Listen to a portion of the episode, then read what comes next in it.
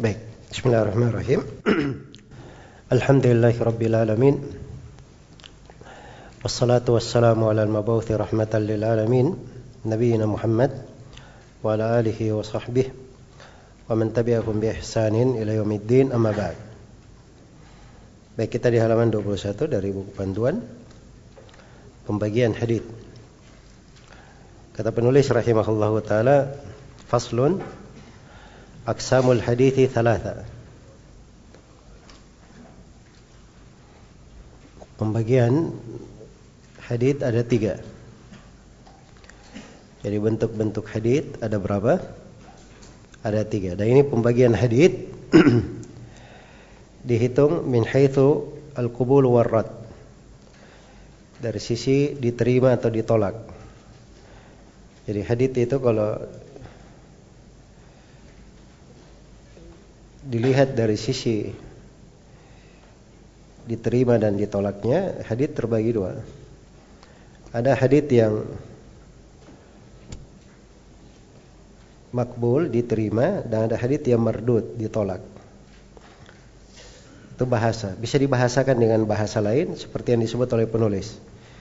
Dari sisi diterima dan ditolaknya terbagi tiga. Ada hadith sahih, hasan dan baif. Hadis sahih dan hasan, nah itulah yang diterima. Sedangkan hadis yang dhaif itu yang apa? Itu yang ditolak. Baik. Jadi saya bilang pembagian hadis dari sisi apa? Diterima dan ditolaknya. Karena pembagian hadis itu ada beberapa bentuk. Ada pembagian hadis dari sisi bagaimana dia sampainya kepada kita. Nah, itu ada yang mutawatir, ada yang apa? Ada yang ahad. Iya. Baik. Dan mungkin bisa dibagi ke pembagian yang lain. Ada, tapi di sini penulis rahimahullah ingin membahas dan ini memang yang paling pentingnya untuk dikaji dari sisi diterima dan ditolaknya. Baik. Jadi dari sisi diterima dan ditolaknya, hadis itu terbagi berapa? Hah? Terbagi tiga. Ada yang sahih, ada yang hasan, dan ada yang dhaif. Iya. Baik. Dan ini oleh penulis rahimahullah taala akan definisi, didefinisikan satu persatu. Apa itu hadis yang sahih? Setelah itu beliau akan definisikan apa itu hadis hasan. Setelah itu beliau akan terangkan apa itu hadis dhaif. Baik. Dari sisi pembagian terbagi tiga, ini memang yang disepakati belakangan, disepakati. Iya. Kalau di masa dahulu kadang ada yang cuma membagi hadit itu terbagi dua saja. Hadit sahih dan hadit apa? Hadit dhaif. Iya. Karena itu kita lihat sahih Al-Bukhari. Sahih Muslim.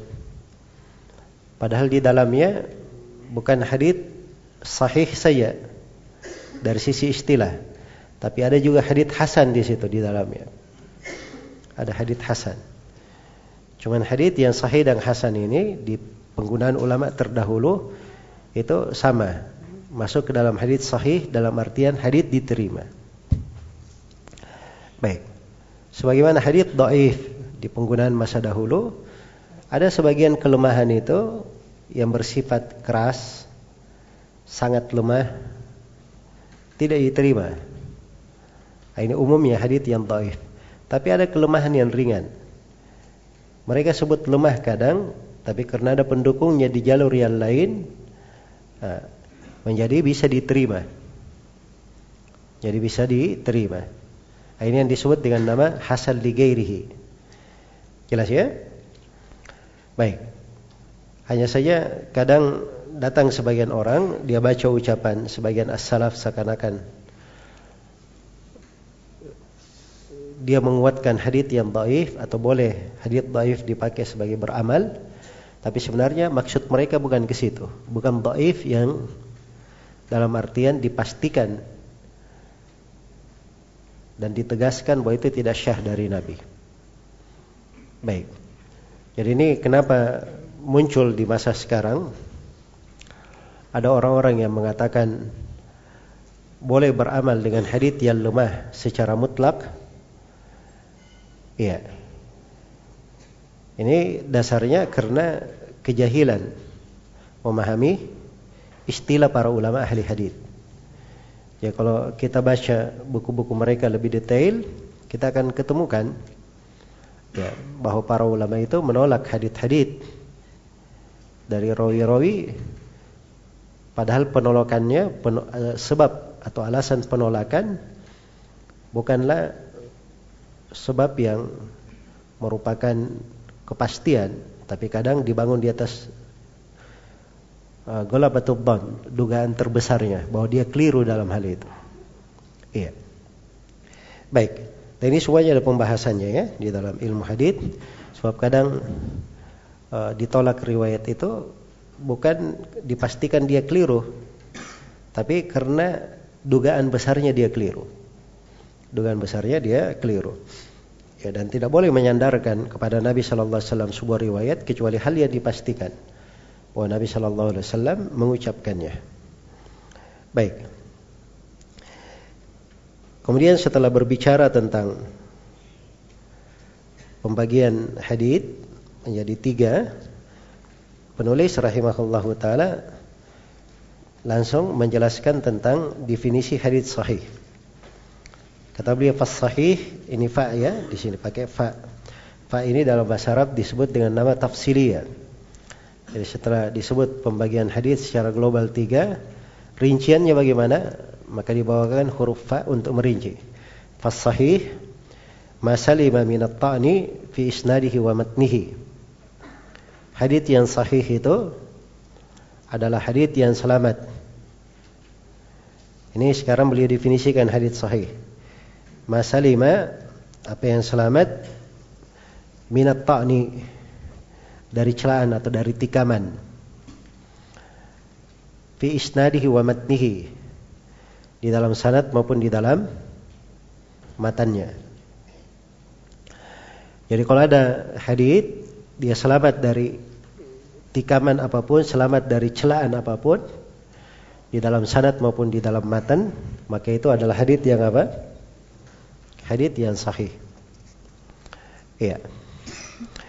Definisi penulis di sini menarik ya untuk diperhatikan. Ya beliau mendefinisikan dua jenis sahih sekaligus. Sahih lidatihi dan sahih ligairihi. Kalau kita masuk di dalam pembahasan yang lebih detailnya, sahih itu dari tingkatan kekuatan rawi, sahih terbagi dua. Ada sahih lidatihi dan ada sahih ligairihi. Sahih ligairihi. Iya. Ada sahih lidatihi. Sahih pada datnya. Nah, ini memang pada seluruh rawi-rawinya rawi hadith yang sahih terpenuhi syarat-syarat hadith sahih. Adapun sahih ligairihi dia sebenarnya tidak sampai ke derajat hadith sahih pada datnya. Tapi karena dia banyak pendukung, ada yang menguatkan dari jalur yang lain, maka dari penguat-penguat ini naik ke derajat hadith sahih juga. Makanya dikatakan sahih ligairihi. Dia sahih karena perkara lain. Ada yang mendukungnya. Jelas ya? Nah, kalau sahih lidatihi dengan sanad itu saja sendiri sudah kita bisa hukumnya apa? Sahih. Tapi kalau sahih lidatihi eh, ligairihi tidak. Kalau sahih ligairihi, kalau sanad itu sendiri dia tidak sahih. Tapi karena ada pendukungnya, ada yang menguatkannya, dia menjadi hadith apa? Hadith sahih juga. Baik, kalau begitu sahih terbagi berapa? Terbagi dua. Apa itu? Sahih lidatihi dan sahih li ghairihi. Apa perbedaan antara sahih li dzatihi dan sahih li ghairihi? Kalau sahih li dzatihi cukup dengan sanad itu sendiri kita sudah bisa hukumi apa? Sahih. Kalau sahih li ghairihi dengan sanad itu sendiri tidak cukup. Kan begitu? Iya. Dia menjadi sahih karena apa? Ada pendukungnya dari jalur lain. Nah, itu cara membedakannya. Baik. Maka ini dua jenis ya. Tapi penulis rahimahullah menggabungkan dua sekaligus. Kata beliau, "Ma salima min at-ta'ni fi isnadihi wa matnihi." Apa yang selamat dari celaan di dalam sanad dan di dalam apa? Di dalam matanya. Iya. Apa yang selamat dari celaan di dalam sanad maupun di dalam matanya. Kita lihat dulu definisi penulis. Kalimat masalima apa yang selamat Artinya sanatnya itu tidak dimasuki oleh celaan. Itu arti salima. At-ta'an At-ta'an itu celah. Celaan, tikaman atau alasan yang membuat hadis tidak diterima. Ya dan ta'an itu terbagi dua. Ada yang terkait dengan sanad dan ada yang terkait dengan apa? Terkait dengan matan. Iya. At-ta'an terbagi berapa? Terbagi dua. Ada ta'an di dalam sanad dan ada ta'an di dalam apa? Di dalam matan. Baik. Apa itu celaan pada sanad, apa celaan pada matan? Ini akan datang nanti di sela-sela pembahasan. Cuman memang perlu kita definisikan. Iya. Baik. Ada kadang celaan pada sanatnya, ada rawinya pendusta, banyak kelirunya, banyak salah ya. Ada kadang celaan pada matan, matannya ada di situ kalimat yang bukan dari hadits Nabi Shallallahu Alaihi Wasallam. Ya, jadi atau ada tambahan di kalimat itu yang tidak berasal dari Nabi.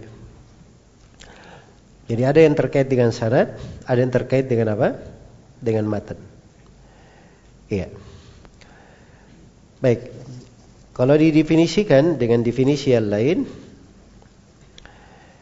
didefinisikan dengan definisi yang lain, bahwa hadis sahih itu mattasala sanaduhu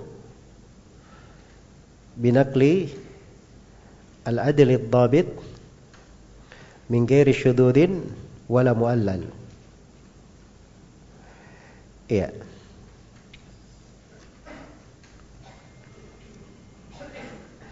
Hadis sahih itu adalah hadis yang bersambung sanadnya mattasala sanaduhu apa yang bersambung sanadnya binaklil adl dinukil oleh seorang rawi yang adil ad-dhabit bagus hafalannya. Ya sebagian ulama ada yang membahasakan tamid dobat sempurna dobatnya min ghairi syududin wala muallal. Tidak syad dan tidak bukan hadith muallal hadith yang mengandung illah yang tercela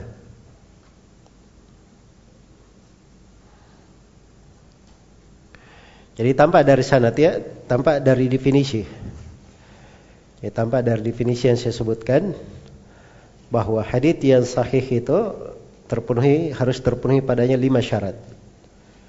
Syarat yang pertama ittisalus sanad, bersambung sanadnya. Harus bersambung sanadnya. Di mana setiap rawi dia mengambil dari gurunya, mendengar dari gurunya. Iya, dan dari dan gurunya juga mendengar dari gurunya terus hingga ke Nabi Shallallahu Alaihi Wasallam. Iya. Jadi kalau Imam Al Bukhari rahimahullahu taala berkata, Haddatsana Abdullah bin Yusuf, qala haddatsana Malik An-Nafi' an Ibnu Umar. Qala qala Rasulullah sallallahu alaihi wasallam. Ah, ini sanad namanya. Dan ini hadisnya sahih. Kenapa? Kita periksa lima syarat. Syarat yang pertama bersambung sanadnya. Ittisalus sanad. Imam Al-Bukhari meriwayatkan dari Abdullah bin Yusuf. Abdullah bin Yusuf meriwayatkan dari Malik. Malik meriwayatkan dari Nafi'. Nafi' meriwayatkan dari siapa? Dari Ibnu Umar. Al-Bukhari mendengar dari gurunya Abdullah, Abdullah bin Yusuf. Abdullah bin Yusuf salah seorang murid senior Imam Malik. Iya, bahkan riwayatnya yang menjadi sandaran Abu Daud dalam periwayatan hadith-hadith Imam Malik. Imam Malik ini murid seniornya Nafi'. Nafi' Maula Ibnu Umar. Bahkan keadaan Nafi itu dia mengajar cuma Imam Malik di depannya saja dia ajar juga. Iya. Kemudian Nafi meriwayatkan dari Ibnu Umar. Iya. Dia bekas budaknya Ibnu Umar dibebaskan oleh Ibnu Umar. Nafi rahimahullah. Dari Ibnu Umar pasti mendengar dari Nabi sallallahu alaihi wasallam. Kalau begitu ini sangat bersambung atau tidak? Bersambung. Berarti sudah terpenuhi syarat bersambung sanad. Syarat yang kedua adalah terruah. Rawi-rawi sanatnya itu semuanya harus adil. Iya. Harus rawi yang adil. Apa artinya? Adalah terruah. Iya. Adalah itu artinya malaka tahmilul mar' ala mulazamati taqwa. dia pembawaan pada rawi yang membawa dia untuk bertakwa. Wajitinab asbabil fisk wa khawarimul muru'ah dan dia meninggalkan sebab kefasikan dan apa yang merusak muru'ah. Apa yang merusak apa? Muru'ah. Merusak muru'ah itu merusak etika ya. Ya. Merusak etika. Ada orang yang kencing di pinggir jalan misalnya. Nah, ini min khawarim apa? al-muru'ah. Apalagi dia bawa air besar di pinggir jalan. Jelas ya? Baik. Walaupun ada sebagian rawi yang kadang dia hitung dari khawali war muru'ah apa namanya perkara yang tidak benar. Contoh misalnya ada rawi Kenapa kamu tidak ambil hadith dari si fulan? Karena saya pernah lihat dia kencing berdiri. Ya, ini enggak benar ya. Nah benar dihitung sebagai khawarimul muru'ah karena Nabi pernah kencing berdiri. Tapi ada seorang rawi ditanya, "Kenapa kamu tidak ambil hadis dari si fulan?"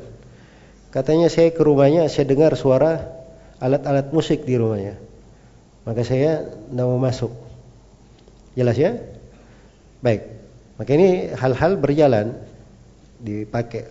Orang yang punya adalah tidak ada hal yang seperti itu. Iya. Jelas ya? Ya kalau dia gemar berdusta, banyak berbohong, apa walaupun dia cuma pembicaraan manusia, itu tidak diterima.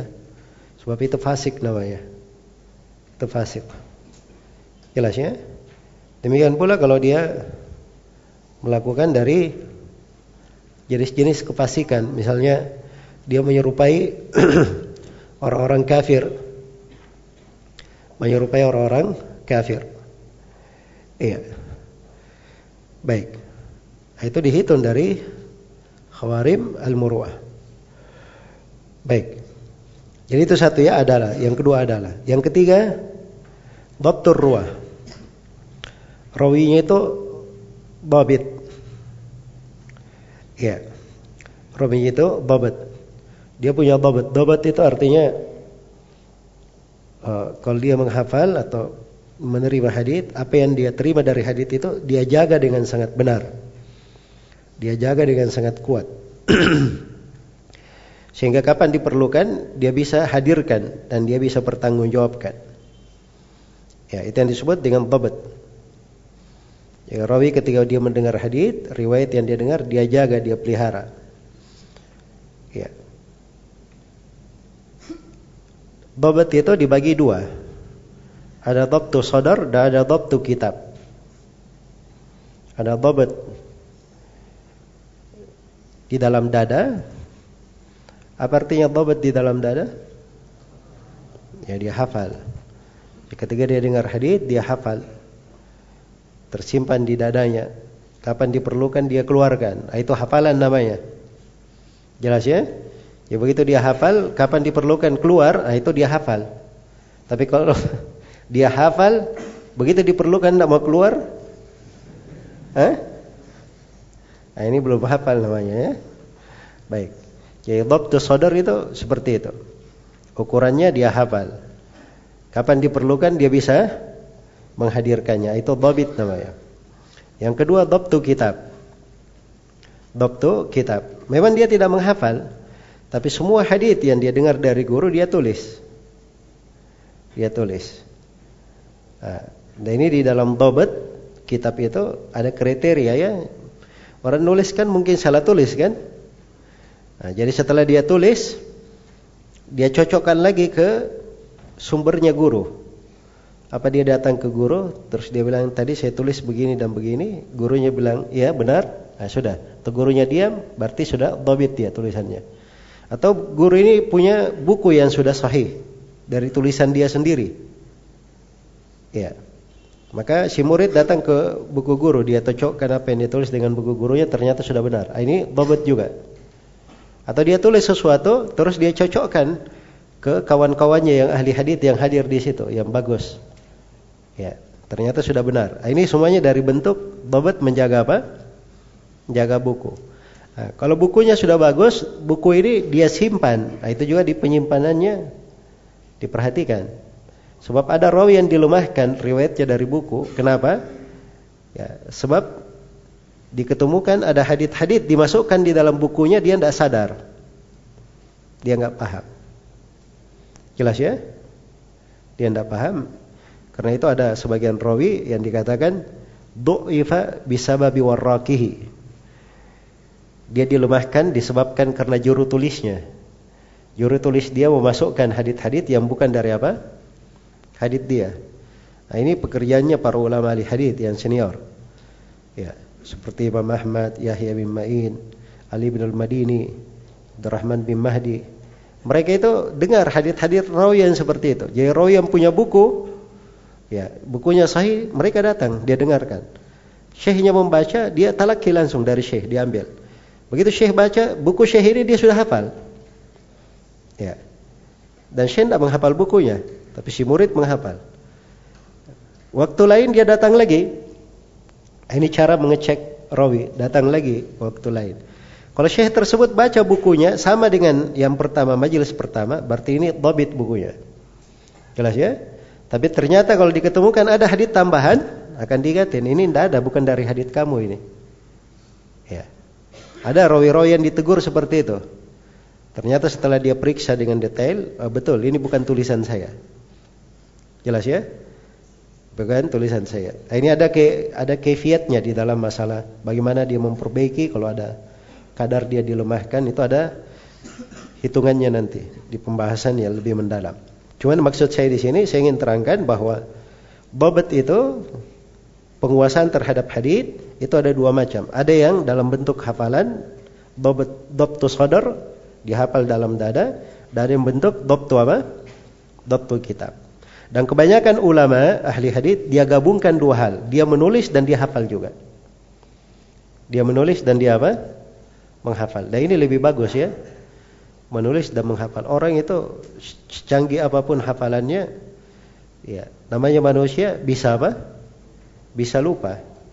Karena itu ada ibarat di tengah para ulama, mereka berkata wal hifdhu khawan. Hafalan itu pengkhianat. Ya. Karena dia sudah hafal, Tiba-tiba di waktu diperlukan tidak hadir hafalan ini. Ya, jelas ya? Nah, itu kadang sering ya. Seorang sholat dia baca. Tidak hadir, tidak keluar hafalannya. Keliru. Tapi begitu dia sujud, baru dia ingat. Ya. Nah, itu hafalan. Kadang dia apa? Kadang dia berkhianat. Jadi kalau diikat dengan tulisan, ditambah dengan hafalan, nah itu baru kuat. Itu umumnya seperti itu para ulama. Dia menulis dan dia menghafal juga. Ya kalau ada sesuatu yang perlu diluruskan di hafalannya, dia kembali ke bukunya. dia melihat. Iya. Dan yang ajaib katanya itu seperti Imam Ahmad rahimahullah, beliau menulis, tapi beliau menulis cuman potongannya saja, awal-awalnya saja, ujung-ujungnya saja. Jadi kalau sudah beliau lihat ujungnya, beliau ingat semuanya. Ya. Beliau ingat semuanya. Kalau kita ini ada ujung, ada tengah, ada akhir, ya, tidak ingat juga. Baik. Jadi ini dhabat ya. Nah, sekarang kita kembali ke contoh yang saya berikan tadi. Tadi Al-Bukhari meriwayatkan dari siapa? Abdullah bin Yusuf. Abdullah bin Yusuf At-Tinnisi Ad-Dimashqi. Seorang rawi yang thiqah. Jelas ya? Thiqah itu kalau dikatakan thiqah dalam istilah ahli hadith berarti dia adil dan dhabit, terpenuhi dua syarat sekaligus. Sebab tidaklah seorang rawi dikatakan thiqah kecuali dia punya adalah dan punya apa? Punya dhabat. Baik. Imam Malik. Kalau Imam Malik, ya jangan ditanyakan lagi kalau Imam Malik. Nah, seperti ini Abdullah bin Yusuf, mungkin kalau beliau thiqah ya, di riwayatnya di orang lain thiqah juga. Tapi khusus riwayatnya dari Imam Malik ini sangat kuat lebih daripada yang lainnya. Jelas ya? Nah, ini juga kadang diperhatikan di masalah babat. Ada sebagian rawi babatnya umumnya mungkin dia dilemahkan. Mungkin dia dilemahkan. Iya. Tapi kalau dia berwetkan dari rawi tertentu, haditnya kuat di situ. Haditnya kuat di situ. Seperti Abdurrahman bin Abi Zinad. Dia dhaiful hadit. Tapi kalau meriwayatkan dari ayahnya, Para ulama terima haditnya. Karena hadit dia dari ayahnya itu dhabit. Hadit dia dari siapa? Dari ayahnya. Jelas ya? Nah, sama dengan Ma'mar bin Rashid. Beliau rawi thiqah secara umum. Tapi ada sebagian riwayatnya dari rawi dilemahkan. Misalnya kalau Ma'mar meriwayatkan dari orang-orang Kufah. Ya, kalau Ma'mar meriwayatkan dari Qatada, itu dilemahkan. Karena itu di dalam Sahih Bukhari dan Sahih Muslim tidak ada riwayat Ma'mar dari Qatada. Tidak ada riwayat Ma'mar dari apa? Dari Qatada kecuali satu hadis di Sahih Muslim, di di di mutabaat, di pendukung saya. Di pendukung. Kenapa? Nah, ini banyak yang keliru di sini ya. Dia periksa Ma'mar sendiri, Ma'mar bin Rashid Abu Urwa Al-Basri, Thumma Al-Yamani adalah seorang rawi yang thiqah. Dia baca lagi Qatada, Qatada ibn Di'ama bil Khattab As-Sadusi Al-Basri, seorang rawi yang thiqah juga. Dia baca Ma'mar, oh hadisnya dipakai oleh Bukhari Muslim. Qatada, oh hadisnya dipakai oleh Bukhari Muslim. Berarti hadisnya sahih. Keliru. Jelas ya? Tidak segampang itu. Nah, Ma'mar ini dia punya masalah khusus dalam periwayatan hadis penduduk Kufah, termasuk siapa? Qatada di sini. Karena itu dia ada kelemahan. Disebutkan kelemahannya dari siapa? Ma'mar uh, rahimahullahu taala itu tidak dhabit di dalam hadis riwayat-riwayatnya penduduk Kufah. Ya, karena ketika beliau menyampaikan riwayat-riwayat seputar itu, usul beliau tidak hadir bersamanya. Beda dengan riwayat beliau di Yaman. Uh, riwayat beliau di Yaman itu kuat karena hadir buku-bukunya semua. Jadi kalau ada dari hafalan yang kurang ini, dia cuma baca buku, dia perkuat hafalannya. Makanya diterima riwayatnya. Jelas ya? Nah, tapi Ma'mar sendiri riwayatnya dari Az-Zuhri itu didahulukan sebab dia termasuk tabakat pertama dari murid-murid Az-Zuhri. Di tingkatan pertama dari murid-murid siapa? Imam Az-Zuhri. Jadi bisa dilihat ya bahwa rawi itu sendiri ya satu rawi haditnya bisa berjenjang-jenjang. Ya dalam menentukan tergantung bagaimana dia bobotnya di dalam riwayat. Baik, Malik. Malik ini di atas thiqah. Ada rawi itu tingkatan sahih itu thiqah. Ada thiqatun thiqah. Ada ilaihil muntaha fi thiqah misalnya. Ya, ini tiga tingkatan. Imam Malik itu di atasnya lagi. Imam Malik rahimahullahu taala. Baik. Imam Malik ini dikenal dhabat ya. Nah, Imam Malik dari Nafi' ya Imam Malik Malik ibn Anas bin Malik ibn Abi Amir Al-Asbahi Abu Abdullah Imam Darul Hijrah Nafi' Nafi' Maula Ibnu Umar Maula Ibnu Umar ah, Nafi' rahimahullahu taala ini dikenal dengan hafalan dikenal dengan hafalan. Ya, dan beliau imam di masanya. Kemudian yang Nafi' meriwayatkan dari siapa? Dari Ibnu Umar. Nah, maka ini semuanya rawi terpenuhi dua syarat. Adalah dan apa? Adalah dan dhabt. Kalau sudah disebut sahabat, sahabat itu tidak perlu dibahas lagi. Ya. Kaidahnya itu sahabat kulluhum apa? Udul. Semua sahabat itu ya adalah dipercaya. Ya. Jadi kalau misalnya nama sahabat tidak disebut tidak ada masalah. Tabi'in berkata, Nafi misalnya berkata, itu rajulan min ashabin Nabi. Saya mendengar seorang lelaki dari sahabat Nabi. Ya sudah dia sepanjang dia sandarkan dari sahabat Nabi, dia mendengar, sudah cukup sahabat Nabi, tidak perlu ditanya namanya juga nggak ada masalah. Karena seluruh sahabat apa? Diterima riwayatnya. Baik. Nah, ini sudah terpenuhi berapa? Tiga syarat. Ya, syarat yang keempat minggiri syududin dan tidak boleh ada syudud. Syarat itu apa? Akan diterangkan nanti oleh penulis. Seorang rawi menyelisih rawi yang lebih kuat darinya. Ya. Jadi hadis ini diterima kalau tidak ada rawi yang menyelisihi. Ya, rawi yang menyelisihinya. Tapi kalau ada rawi yang menyelisihinya, nah itu tidak diterima riwayatnya. Tidak diterima riwayatnya. Baik. Kita akan terangkan nanti ya di syudud. Ya, dan pembahasan syad ini ini dari salah satu bentuk pembahasan yang detail di pembahasan ilmu hadis. Iya. Kemudian yang keempat, wala muallal dan dia tidak ada muallal di situ. Kenapa saya bahasakan muallal bukan illah? Ada sebagian mendefinisikan wala illah dan tidak ada illah. Karena illah itu terbagi dua. Ada illatun qadiha dan ada illah gairu qadiha. Ada illah yang tercela yang membahas, membahayakan riwayat dan ada illah yang tidak membahayakan riwayat. Iya. Dan yang dimaksud di sini tidak ada illah yang qadiha. Eh, bahasa lainnya kalau illa qadiha itu namanya muallal. Muallal ini khusus untuk illa yang qadiha. Jelas ya? Tidak boleh ada illah qadiha di situ. Illa yang tercela. Misalnya ada tambahan pada rawi tidak disebutkan oleh yang lainnya. Ya, atau rawi ini dia tidak mendengar dari guru di situ atau hal-hal yang lainnya. Baik. Adapun kalau misalnya ilahnya dalam bentuk mudallis dia pakai kataan tapi di riwayat yang lain dia pakai kata haddatsana maka ini ilah gairu qadiha. Ilah yang tidak apa? Tidak tercela. Jelas ya? Sekarang misalnya datang rawi Ibnu Juraij rahimahullahu taala. Ya beliau disifatkan dengan tadlis atau kota ada ya, kita ambil lebih. Misalnya kota ada. Dia disifatkan dengan tadlis. Kota ada pakai an, misalnya. Maka ini bentuk dari illah. Bentuk dari illah. Pada sebagian riwayat kota ada, tidak semua riwayatnya ya. Bentuk dari illah. Tapi ternyata kota ada di tempat lain dalam hadits yang sama, dia memakai kata haddatsana.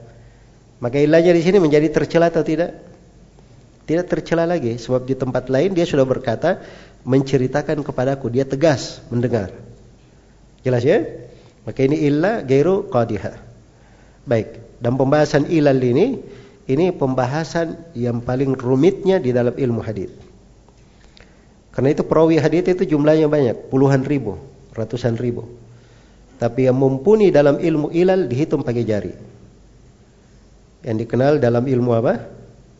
Ilalul hadis itu dihitung pakai jari. Iya. Karena itu yang menulis buku-buku tentang ilalul hadith tidak semua orang yang menulis. Misalnya Ali bin Al-Madini rahimahullah, Yahya bin Ma'in, Ahmad bin Hanbal, Imamul Bukhari. Imamul Bukhari punya buku ya tentang ilal. Kemudian Imam Muslim, Imam Tirmidzi, Abu Daud, ha? Uh, Amr bin Ali Al-Fallas, Abdurrahman bin Mahdi. Ya, ini dari contoh-contoh nama ulama ahli ilal hadith. Dan datang masa setelahnya misalnya seperti Abu Mas'ud Ad-Dimashqi, ya Ad-Daruqutni, ya Ibnu Ammar Asy-Syahid, Abu Fadl Ibn Ammar Asy-Syahid, dan selainnya ini para ulama pakar di dalam ilalul hadith. Jelas ya? Nah, karena itu tidak semua orang bisa seperti itu. Ya. Nah itu suatu hari Imam Muslim rahimahullahu taala datang kepada Imam Al-Bukhari. Dia bawakan hadis tentang doa kafaratul majlis. Ya. Maka Imam Al-Bukhari berkata, ini hadis sangat cantik sekali, malih, indah sekali hadis ini. Tapi di dalamnya ada cacat tersembunyi. Lalu Al-Bukhari terangkan dari sudut mana cacatnya. Ya, maka Imam Muslim berdiri dia cium kepala Al-Bukhari rahimahullahu taala. Ya ini dari apa? Dari keahlian. Jadi luput dari seorang alim tanpa di alim yang lainnya, tanpa di alim yang lainnya. Ya dan banyak seperti itu di kalangan ahli hadis. Sebab kadang sebagian ahli hadis itu dia cuma hafal riwayatnya satu dua riwayat. Beda dengan para ulama ahli ilal. Mereka hafal banyak riwayat. Iya. Banyak dari mereka hafal dari banyak riwayat. Karena itu kata Ibn al-Madini rahimahullahu taala bab al-bab idza lam yujma' turuquhu lam yatabayyan khata'uh. Bab itu apabila tidak dikumpulkan jalur-jalur periwayatannya tidak tampak kekeliruannya. Jadi begitu dikumpulkan jalur riwayat baru kelihatan kekeliruannya. Kata sebagian ulama ahli ilal sebuah hadis saya paham tentang ilah-ilahnya apabila saya sudah hafal dari 40 jalur. Ya. Dia punya banyak hafalan. Jelas ya? Karena itu ketika mereka katakan ini hadis masalah, ini hadis bukan hadis dia, ini hadis menyerupai hadis si fulan yang lemah, nah itu kuat diterima. Ya, karena mereka ini bukan hanya menghafal para ulama ahli hilal itu, itu bukan hanya menghafal hadis yang sahih. Hadis yang dhaif pun dia hafal. Hadith yang taif pun dia hafal. Ya. Pernah saya lupa Yahya bin Ma'in atau Ali bin Al-Madini dia hafal hadith-hadith seorang rawi yang pendusta. Ya, dia hafal riwayat-riwayatnya dari Anas bin Malik radhiyallahu taala Nah, ditanya kepadanya, "Untuk apa kamu hafal ini?"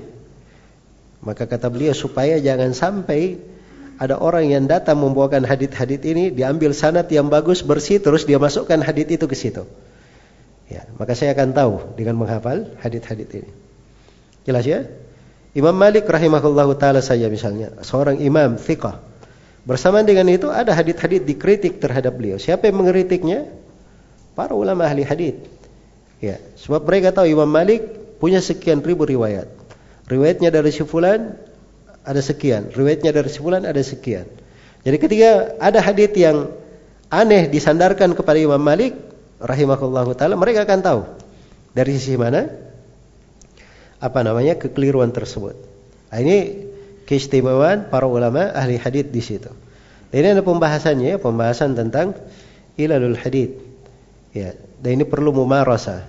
Seorang itu perlu belajar mendetail tentang tingkatan-tingkatan rawi, ya dia perlu banyak baca buku-buku tentang ilalul hadith terus dia harus memiliki guru yang ahli di bidang ilal. Sehingga dia punya pandangan yang bagus terbiasa di atas malakah e, pembawaan bisa menilai dari ilalul ilal ilal hadith tersebut. Baik ini definisi hadith apa? Hadith sahih. Baik. Jadi kalau kita lihat definisi penulis masa lima minat ta'ni fi isnadihi wa matnihi. Apa yang selamat? Dari celaan dalam sanad dan apa? Matanya. Apa itu sanad? Hah? Sanad itu adalah silsilatul ruwa al-musilah ilal matan. Ya, sanad itu adalah silsilah ar-ruwa al-musilah ilal matan. Ya, silsilah para rawi yang menyambung ke mana? Ke matanya. Ya, jadi seperti tadi ya, saya beri contoh sanad. Al-Bukhari meriwayatkan dari Abdullah bin Yusuf, dari Malik, dari Nafi, dari Ibnu Umar. Ini silsilah rawi menyambung ke mana? Ke sanad. Nanti Ibnu Umar berkata, Rasulullah sallallahu alaihi wasallam bersabda. Baik. Itu sanad namanya. Kalau matan itu apa? Matan itu lafat haditnya. Lafat haditnya yang makna berada di situ. Ya.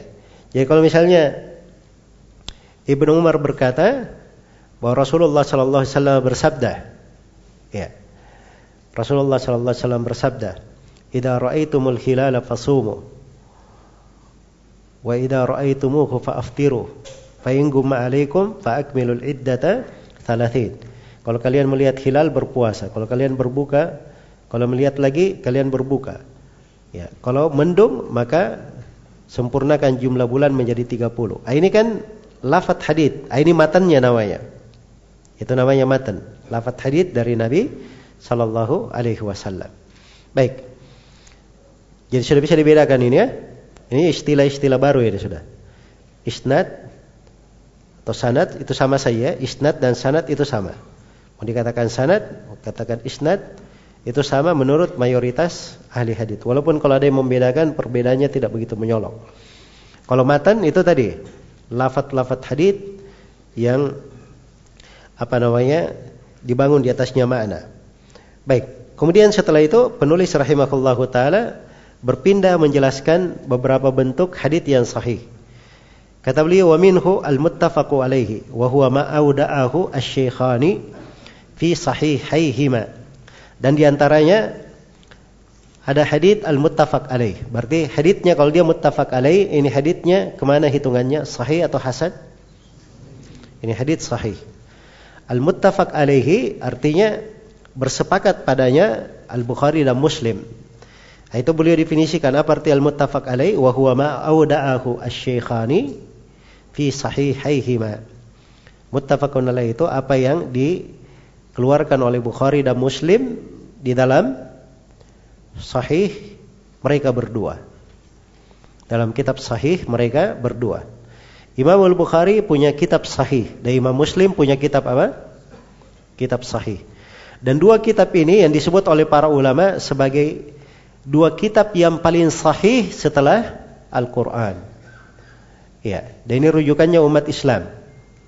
Sahih Al-Bukhari dan Sahih Muslim ini. Ya, para ulama ahli hadis dari masa ke masa setelah buku itu ada, ya mereka melihatnya tidak ada yang mengkritik riwayat-riwayatnya. Maka itu artinya kesepakatan para ulama di dalam apa? Di dalam menerimanya. Kecuali segelintir hadis. Kecuali segelintir hadis dikritik oleh orang-orang yang selevel dengan apa?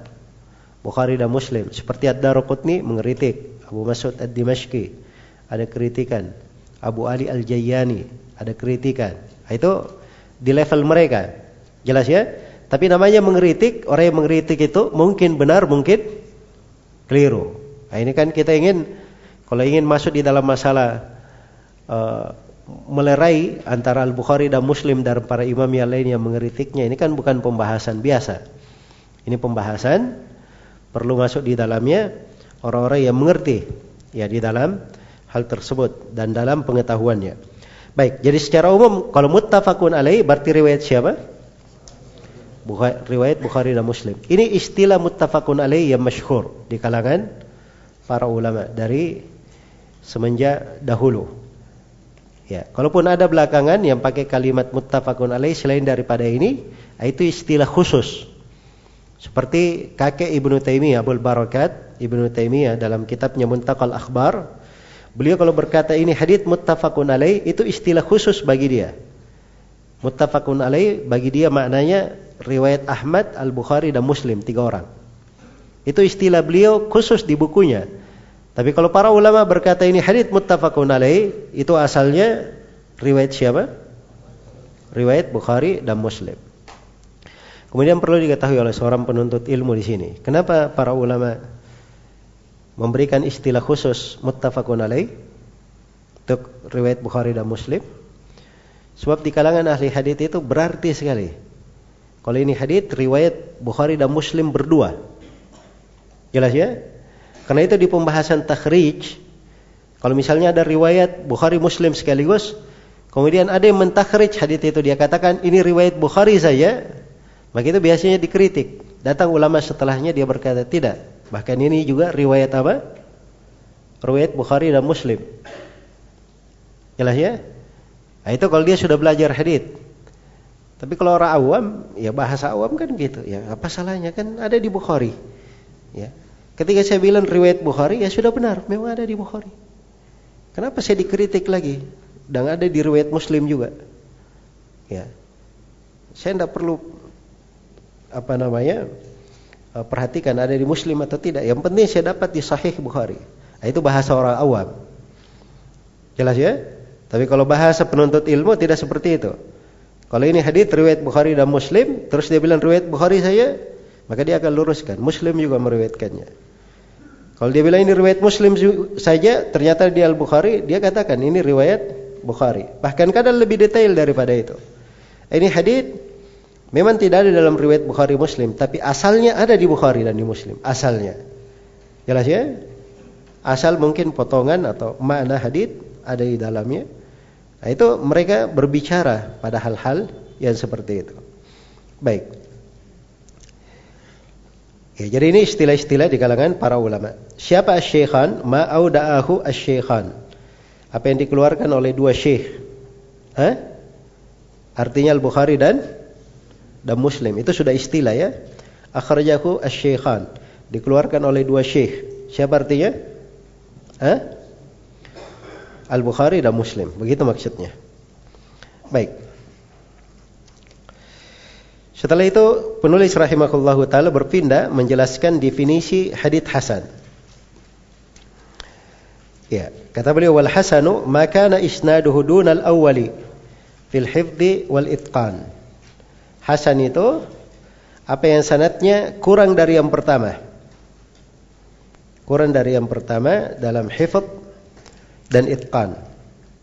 Dalam hafalan dan apa? Itqan. Baik. Jadi penulis uh, sebelum saya masuk ke hadis hasan masih ada sedikit lagi.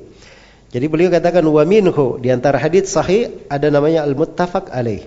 Kan begitu? Ini di antara tingkatan hadis-hadis sahih.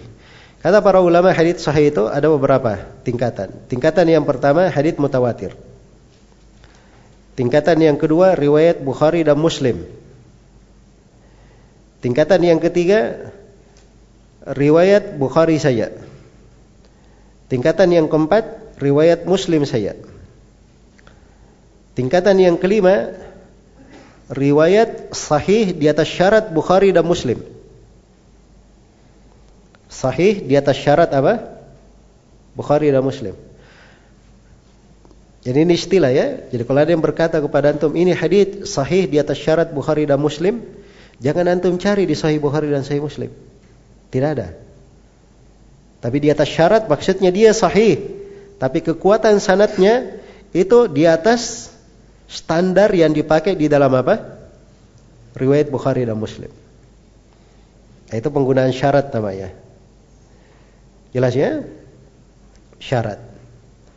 Dan ini hati-hati ya, syaratnya itu syarat kalau dikatakan di atas syarat Bukhari dan Muslim maksudnya rawi-rawinya rawi Bukhari dan Muslim tapi dengan syarat sesuai dengan kefiat periwayatan Bukhari dan Muslim. Nah, di sini sering keliru. Ya, jangankan orang uh, pemula dalam penuntut ilmu, orang yang sudah kadang lama menuntut ilmu, kadang juga keliru. Dia pikir di atas syarat Bukhari Muslim itu murni rawi-rawinya saya. Itu tidak benar ya. Seperti tadi Ma'mar dari Qatada. Ma'mar rawi Bukhari Muslim, Qatada rawi Bukhari Muslim. Tapi enggak ada di dalam sejarah itu Bukhari dan Muslim meriwayatkan dengan kefiat itu. Ma'mar dari Qatada itu enggak ada. Kecuali di Muslim tadi yang saya sebut mutabah. Jelas ya? Nah, ini keliru. Riwayat ini. Ini tidak ada di dalam Bukhari Muslim. Jadi harus ditambah sesuai dengan kefiat riwayatnya siapa? Bukhari dan Muslim. Jadi yang dimaksud syarat Bukhari Muslim, rawi-rawinya dipakai oleh Al-Bukhari dan Muslim sesuai dengan kefiat riwayatnya siapa? Bukhari dan Muslim. Baik. Iya. Sudah tingkatan keberapa tadi? Kelima ya. Baik, yang keenam, hadis sahih di atas syarat Bukhari saya. Dan yang ketujuh, hadis sahih di atas syarat Muslim saya. Kemudian yang kedelapan hadis yang sahih saya. Hadis yang sahih saya. Ini delapan tingkatan semuanya ya. Delapan tingkatan. Ya. Baik. Selesai definisi hadis sahih. Setelah itu penulis rahimahullahu taala menjelaskan definisi hadis hasan. Kata beliau, wal hasanu maka kana isnaduhu. Hasan itu apa yang sanatnya dunal awwali. Tingkatannya di bawah sahih. Fil hifdi wal itqan. Di dalam hal hafalan dan itqan. Iya. Kelancaran dan kedetailan hafalan. Baik. Mutkin ini di atas derajat apa?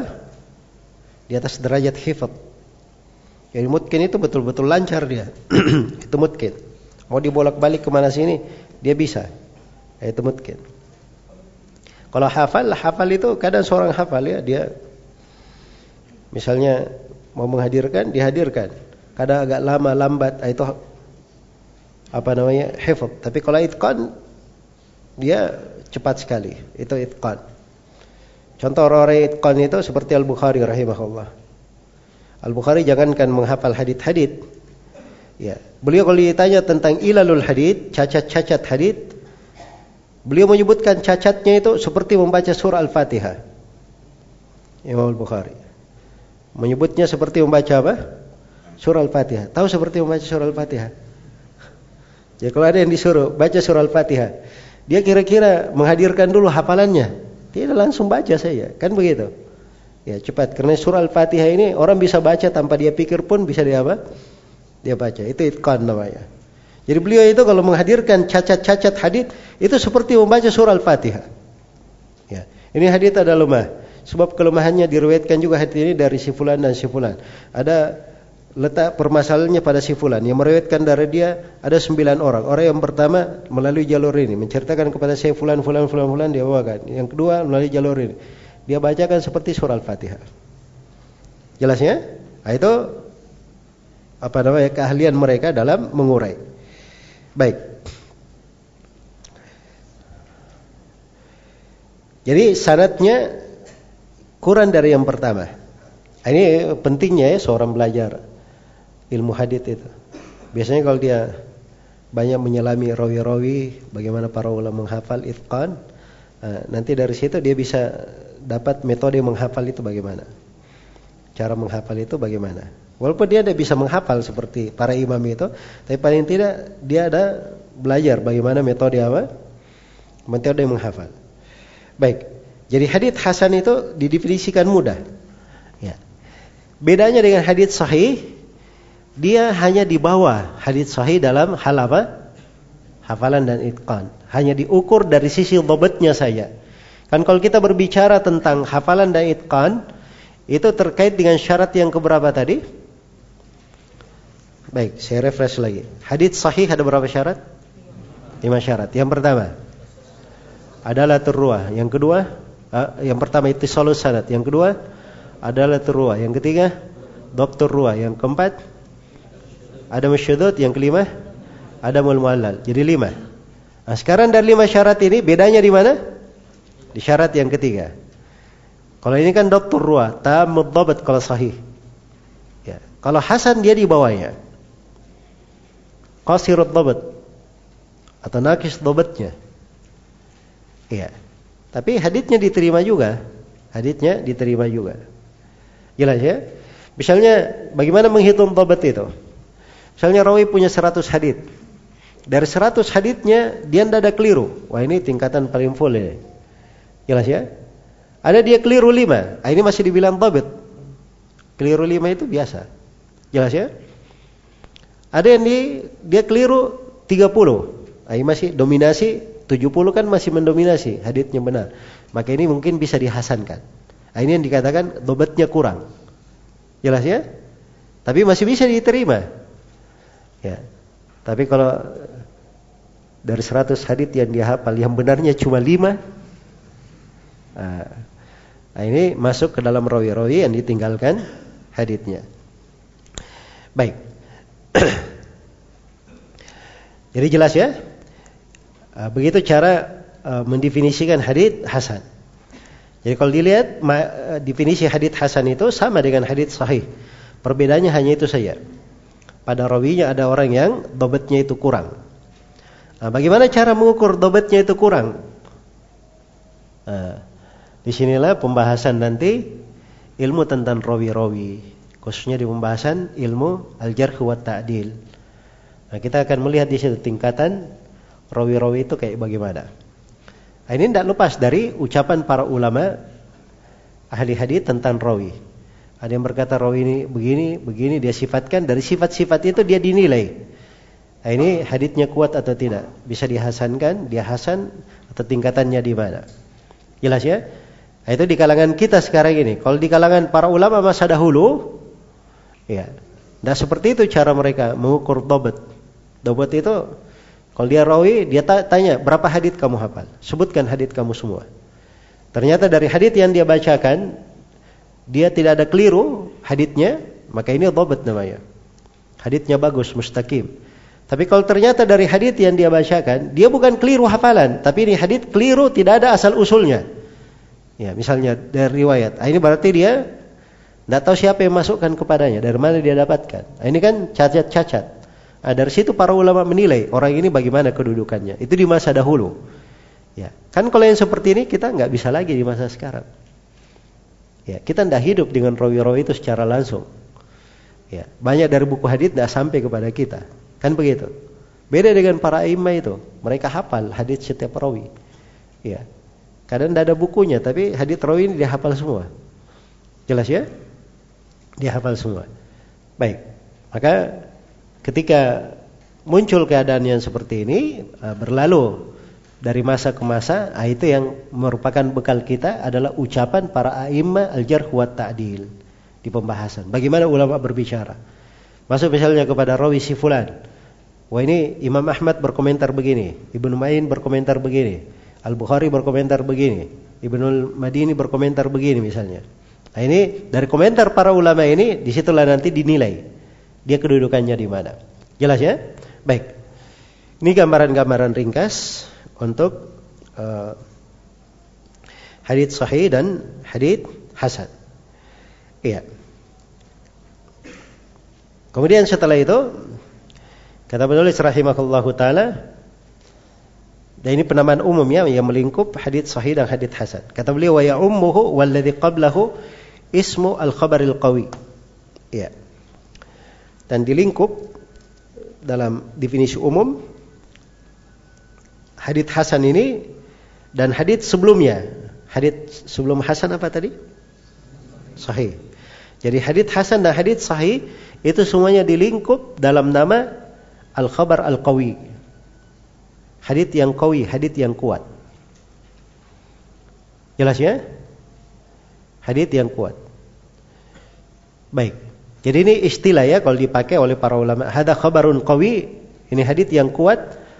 Nah, itu dia gabungkan di dalamnya. Bisa hasan dan bisa apa? Bisa bisa dhaif. Ya, jadi kalau ada yang berkata khabar qawi, itu aja bisa hasan dan bisa apa? Bisa dhaif. Kita tidak bisa tentukan, harus kita periksa sendiri. Ya, dia masuknya ke mana? Ke hasan atau ke mana? Ke dhaif kalau mau didetailkan. Tapi kalau sudah dia katakan khabar qawi, Ya, maka itu sudah cukup menunjukkan bahwa ini hadis bisa diterima, dipakai berhujjah. Bisa diterima dan dipakai berhujjah. Baik, wallahu taala alam. Selesai ya pembahasan. Kita akan masuk nanti di pembahasan hadis uh, baik. Ya. Atau tidak apa-apa kita baca hadis dhaif sekarang. Dikatakan di halaman 26 dari buku panduan Kata penulis wa dhaifu ma laysa wahidan minhuma. Hadis itu apa yang bukan salah satu dari keduanya. Ya. Jadi mudah, ya mendefinisikan. Ya, mudah mendefinisikan. Jadi kalau bukan sahih, bukan hasan berarti dia apa? Dia dhaif. Iya. Baik, begitu. Ada definisi lain yang lebih mudah Baik. Ada definisi lain yang mungkin juga mudah dipahami bahwa hadis dhaif itu ya Hadis dhaif adalah hadis alladhi faqada syartan min syurutil qabul. Adalah hadis yang kehilangan sebuah syarat dari syarat hadis yang diterima. Jadi hadis dhaif, ad-dhaif huwa al-hadits alladhi faqada syartan min syuruti al-qabul. Iya. Kenapa saya bahasakan min qabul? Kenapa saya tidak bilang min syuruti siha? Hah? Karena kalau syarat sahih saya berarti hasan masih bisa kan? Tapi kalau kabul ini sahih dan hasan. Jadi kapan dia kehilangan satu syarat ini dari syarat kabul? Ya, maka dia adalah hadits yang dhaif. Demikian pula dari syarat al-qabul itu syurutul qabul al-injibar biamrin akhar. Ada pendukungnya. Itu kan syurutul qabul juga sebenarnya. Kadang dhaif tapi ada pendukung dari jalur lain maka dia bisa dihasankan. Iya. Bisa dihasankan. Baik. Hadis dhaif ini banyak jumlahnya ya. Ali Raqi menyebutkan 42. Asyuti berkata bahwa ada sebagiannya yang menghitung sampai 63. Menghitung sampai 63. Baik. Baik ini kalau dihitung dari kenyataan yang ada ya. Tapi kalau secara teori, ya secara teori itu kalau dihitung-hitung bisa banyak jumlahnya. Hah? Sekarang anggaplah misalnya syurutul qabul ada enam. Ya. Apa syurutul qabul? Ittisalus sanad. Terus ada latur ruah, eh? Dokter ruah. Ada musyudud, ada mul muallal, ada mul injibar bi amrin akhar. Ini yang keenam. Tidak ada pendukungnya dengan perkara yang lain.